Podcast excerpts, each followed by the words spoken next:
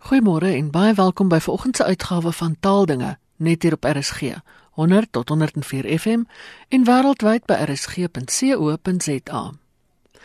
Ek praat vanoggend met professor Erns Kutse oor die skryfwyse van Afrikaans of dan ortografie na aanleiding van 'n luisteraarsvraag.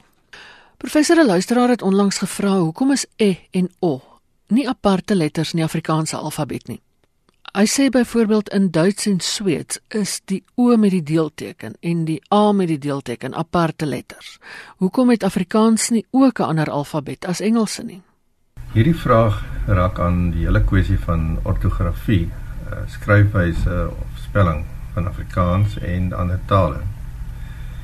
Uh om die luisteraar se vraag so duidelik moontlik te kan beantwoord, is dit miskien nodig om die een en ander te sê oor skryfstelsels in die algemeen en dan spesifiek op Afrikaans te fokus. Om mee te begin dan net iets oor die term ortografie. Dit is natuurlik Grieks van herkoms en is saamgestel uit die woorde orthos graphein wat letterlik beteken korrek skryf. Ortografie is dan hoe taal in geskrewe vorm uitgedruk word. Wat betref die tale wat algemeen in Suid-Afrika gepraat word, behels dit die, die simbole of letters, hoofletters, leestekens en punctuasie, as ook besluite oor die skryfwyse van woorde, byvoorbeeld of dit vas of los van mekaar geskryf word ensovoorts. Vir Afrikaans word dit soos ons weet bereël deur die bekende Afrikaanse woordelys en spelreëls of AWS. Hoe kom die skryfstelsel van tale tot stand? Weet jy, dit is nogal interessant dat van die ongeveer 7100 lewende tale op aarde, volgens die jongste ethnoloog, daar net 3900 is wat geskryf word. Dit beteken dat omtrent 3200 tale of 45% van alle tale geen skryfstelsel besit nie. As ons nou kyk na die tale wat wel geskryf word, kan 'n mens omtrent 43 verskillende stelle simbole of skrifstelsels identifiseer met 'n stuk of 60 substelsels waarin tale geskryf word. Mens kan die stelsels groepeer volgens die verband tussen die simbole en die aspek van die taal wat gekommunikeer word. Nou wat bedoel ons met aspek van taal? Eerstens kan die simbole klanke voorstel wat uitgedruk word. En dit word dan alfabetiese of fonetiese skrifstelsels genoem. Soos in die geval van Afrikaans en die meeste Afrika tale en Europese tale wat ons ken. Tweedens kan elke simbool 'n silabe voorstel. Die naam Ina sou dus volgens so 'n stelsel uit twee silabiese simbole bestaan. Dit word dan ook silabiese skrifstelsels genoem. 'n Taal soos Japanees maak gebruik van so 'n stelsel wat 'n silabarium genoem word. Derdens kan die simbole direk betekenisse voorstel sonder enige aanduiding van klank of uitspraak soos in Chinese. Dit word 'n logografiese of ideografiese skrif skryfstelsel genoem. Dieselfde logografiese woorde kan in verskillende tale gebruik word en in elke taal heeltemal anders uitgespreek word. Japanees uh, kombineer byvoorbeeld Chinese logografiese simbole met 'n silabiese skrifstelsel en spreek die logografiese simbole dan heeltemal anders as in Chinese uit. Maar ook die verskillende Chinese tale soos Mandarijn en Kantonees is onderling onverstaanbaar maar gebruik dieselfde logografies geskrewe woorde. Dit is maar drie moontlike sisteme. En dan praat ons nie eers van die Egiptiese hieroglife, sogenaamde piktografiese stelsel, die Sumeriese spykerskrif wat die oudstes wat bestaan en talle ander nie. Hoe elkeen van hierdie stelsels ontstaan het, is 'n kultuurgeskiedenis op sy eie. En dan het ons nog nie gekom by gebaretaal, die fluittaal van die Kanariese eilande en sommige Griekse eilande of die tromtaal van sommige stamme in Afrika nie. Sulke tale sluit natuurlik ook die in wat nie verskriftelik is nie en waarvan ek aan die begin gepraat het, die 45% ongeskrewe tale van die wêreld. Hoekom is dit nodig om 'n stelsel te hê? Die behoefte aan 'n skrifstelsel hang saam met die noodsaaklikheid om oor tyd en afstand te kommunikeer. Die Vikingers van Skandinawië en Germane op die Europese vasteland het reeds uh, vanaf die 1ste en 2de eeue van die Christelike jaartelling 'n fonetiese alfabet, die sogenaamde rune simbole gebruik om inligting te dokumenteer. Rune inskripsies op klippe is vandag nog te sien en dit blykbaar onder andere ook 'n magiese betekenis gehad. Uh, mettertyd het die Romeinse alfabet gevestig geraak in die lande wat gekersten is veral na die verowering van die Europese vasteland deur Rome. Wat interessant is, is dat die Slawiese lande in Oos-Europa wat Rooms geword het, ook die Romeinse alfabet vir hulle tale gebruik, soos Pole, Tsjechië en Kroasie. Terwyl die res van die Slawiese lande waar die Ortodokse Kerk posgevat het, Rusland, eh, Bulgarië, Servië ensovoorts, die Cyrilliese alfabet gebruik. Cyrilliese alfabet is naamlik teen die einde van die 9de eeu opgestel deur 'n Bulgaarse monnik van die Ortodokse Kerk, Sint Cyrillus, en sy broer Methodius en is gebaseer op die Griekse alfabet met aanvullings uit die Romeinse alfabet. En die rol van die kerk by die vaslê van 'n skrifstelsel is dus van belang. Uiteraard ook om die Bybel as goddelike dokument oor tyd en ruimte aan die sprekers van die taal oor dit oor te dra. Dieselfde oorweging geld uiteraard ook wat betref die gebruik van die Arabiese alfabet om die Koran aan gelowiges in Islam oor te dra. Die ontwikkeling van 'n skrifstelsel hang dus ten nouste saam met kulturele ontwikkeling en dra verder natuurlik ook by tot geletterdheid en intellektuele ontwikkeling van die taalgemeenskap.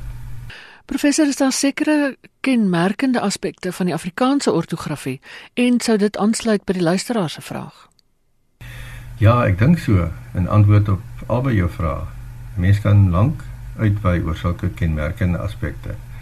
Maar vir die doel van die antwoord op die luisteraar se vraag wil ek my beperk tot een. Oor die algemeen is daar 'n redelik konsekwente verband tussen letters en uitspraak in Afrikaans en sou die ortografie waarde beoordelend as taamlik foneties beskou kan word. Maar dit is nie altyd so maklik nie. En ek wil een eienskap noem wat hierdie indruk 'n bietjie relativeer.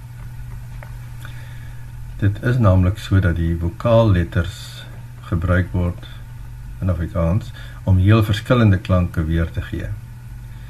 Dink maar aan die o in pot en pote die e in uh, wet en wete en die u in nut nuut en nuwe dit maak dit nogal 'n bietjie moeilik vir 'n anderstalige wat Afrikaans deur middel van die geskrewe teks reg probeer uitspreek sonder om te veel in te gaan op tegniese punte kan 'n mens dit stel dat 'n klank soos o in 'n geslote lettergreep soos poot wat afgesluit word deur 'n konsonant dus uitgedruk word deur die verdubbeling van die vokaalletter o.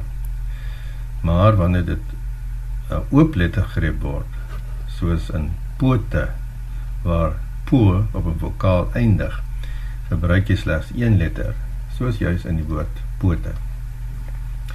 As jy egter net een vokaalletter gebruik in 'n geslote lettergreep wat afgesluit word deur 'n konsonant, kry jy heeltemal 'n ander klank, soos in pot. En dit is iets wat nie in 'n taal soos Duits voorkom nie. Dit maak dit dus moeiliker om hierdie aspek van die ortografie baas te raak. Een kenmerk van die ortografie van Afrikaans is dus dat vokaalletters, veral dan nou in geslote lettergrepe, verdubbel kan word om heeltemal ander klanke voor te stel as die enkele letter. Die verdubbeling van die vokaalletters beteken egter nie dat die klank nou langer uitgespreek word nie, maar gewoon 'n ander kwaliteit kry. of jy nou die vokale in woorde soos poot, loop en stroop kort of lank uitspreek, dit maak geen verskil aan die betekenis nie. Die enigste vokaalletter in Afrikaans waar wel so 'n uh, verskil voorkom tussen 'n kort en 'n lang uitspraak is A waar vokaallengte 'n betekenisverskil meebring, soos in paal en pal, staat en stad, vat en vaat. Wat wel interessant is, is dat daar in sommige streeksvariëteite van Afrikaans enkelvoudsvorme soos gaat met die betekenis van gat, ons groue gaat, en glas, enkelvoud van glase voorkom. Maar dit is 'n uh, onderwerp vir 'n ander dag. Kom ons kyk nou weer na die luisteraar se vraag. Hy of sy wil naamlik weet waarom e en o met die kappies nie aparte letters in die Afrikaanse alfabet is nie. Soos byvoorbeeld die o met 'n uh, deelteken of uh, 'n omlaag soos ons dit dit noem, uitgespreek as u en a met 'n omlaag uitgespreek as e in Duits en Sweeds. Die vernaamste rede is dat die kappie op vokaalletters in Afrikaans hoofsaaklike uitspraakhulp is by vokaalletters wat anders uitgespreek sou kon word in ooplettergrepe. Byvoorbeeld wêreld teenoor wêreld of kerel teenoor kerel soos in Nederlands. En soms selfs 'n betekenisverskil as gevolg daarvan kan meebring, soos gelê teenoor gele en bære teenoor bere. Anders as ander letters van die alfabet is daar ook nie 'n beduidende groep woorde wat met 'n o begin of met 'n e nie, met die kappies nie. Enkele uitsondering in hierdie geval is woorde soos erns. In Duits en Sweeds of Noors is daar wel 'n hele groep woorde wat met sulke omlautletters begin. Sulke letters dui byvoorbeeld ook meervoud aan, soos in vader teenoor vader, vaders in Duits of dogter teenoor tegter of meervouds van dogter. En die kappiewoorde in Afrikaans het geen sulke grammatikale funksies nie. Oor die alfabet van Afrikaans teenoor die van Engels, omdat tale soos Afrikaans, Engels, Nederlands, Noors en Sweeds almal Germaanse tale is, is daar baie letters wat presies of feitelik dieselfde klankwaarde het in twee tale wat met mekaar vergelyk kan word. Maar uiteraard ook natuurlik belangrike verskille. Dit is so dat elke taal sy eie konvensies ontwikkel wat spelling betref. En mense leer om bepaalde klanke met bepaalde letters te vereensalwig. Die woord melk word byvoorbeeld dieselfde uitgespreek en gespel in Afrikaans en Noors. Maar welkom word in die Skandinawies-Germaanse tale of Noord-Germaanse tale met 'n v geskryf omdat dit die letter is wat met die klank w vereenselwig word. Wat Engels betref, het die ortografie ontstaan in 'n tyd toe die taal heelwat anders uitgespreek is as vandag en eintlik nader aan Afrikaans gelê het. Die woord vir ridder, knight, is byvoorbeeld in Middelengels as knecht uitgespreek en die spelling weerspieël vandag nog daardie ou uitspraak. Hoe verskil die spelsisteem van Afrikaans van tale soos Zulu en Sotho sê nou maar? Omdat die ortografie van sulke tale wat onder Afrika taalkundiges ook as Sinto tale bekend staan, aanvanklik deur westerse sendelinge ontwerp en geskep is, het die moedertale van sulke sendelinge as 'n soort filter gedien om die klanke van die Sinto tale te interpreteer. Die alfabet van Zulu en Afrikaans lyk dus nie baie verskillend nie. Behalwe dat die klankwaarde van veral die konsonante en spesifiek die klapklanke heeltemal anders is as in Afrikaans. Mense sou egter kon sê dat die ortografie van sulke tale veel meer foneties is as Afrikaans. En natuurlik as Engels wat 'n ortografiese nagmerrie is as gevolg van die verandering van die klankvorm van die taal oor die eeue. Daar is naamlik 'n konsekwente verband tussen letters en klanke in die Sinto tale. Juis omdat daar nie soveel tyd verloop het sedert die vorming van die ortografie as byvoorbeeld in die geval van tale soos Engels en Frans nie. En wat dan van Japanees? Ja, hoewel Japanees sekerlik nie 'n moeilike taal is om te leer praat nie, dit is uh, byvoorbeeld nie 'n toontaal soos Chinese nie en die grammatika is baie eenvoudig. Is dit seker een van die moeilikste tale om te lees en te skryf omdat dit 'n mengsel is van logografiese simbole uit Chinese oorgeneem en silabiese simbole waarmee alle woorde in die taal wel geskryf kan word en daarbey nog 'n paar modelle van die Romeinse alfabet wat nie konsekwent is nie. En benaderde pogings is om die uitspraak van die taal weer te gee soos wat westerlinge dit interpreteer.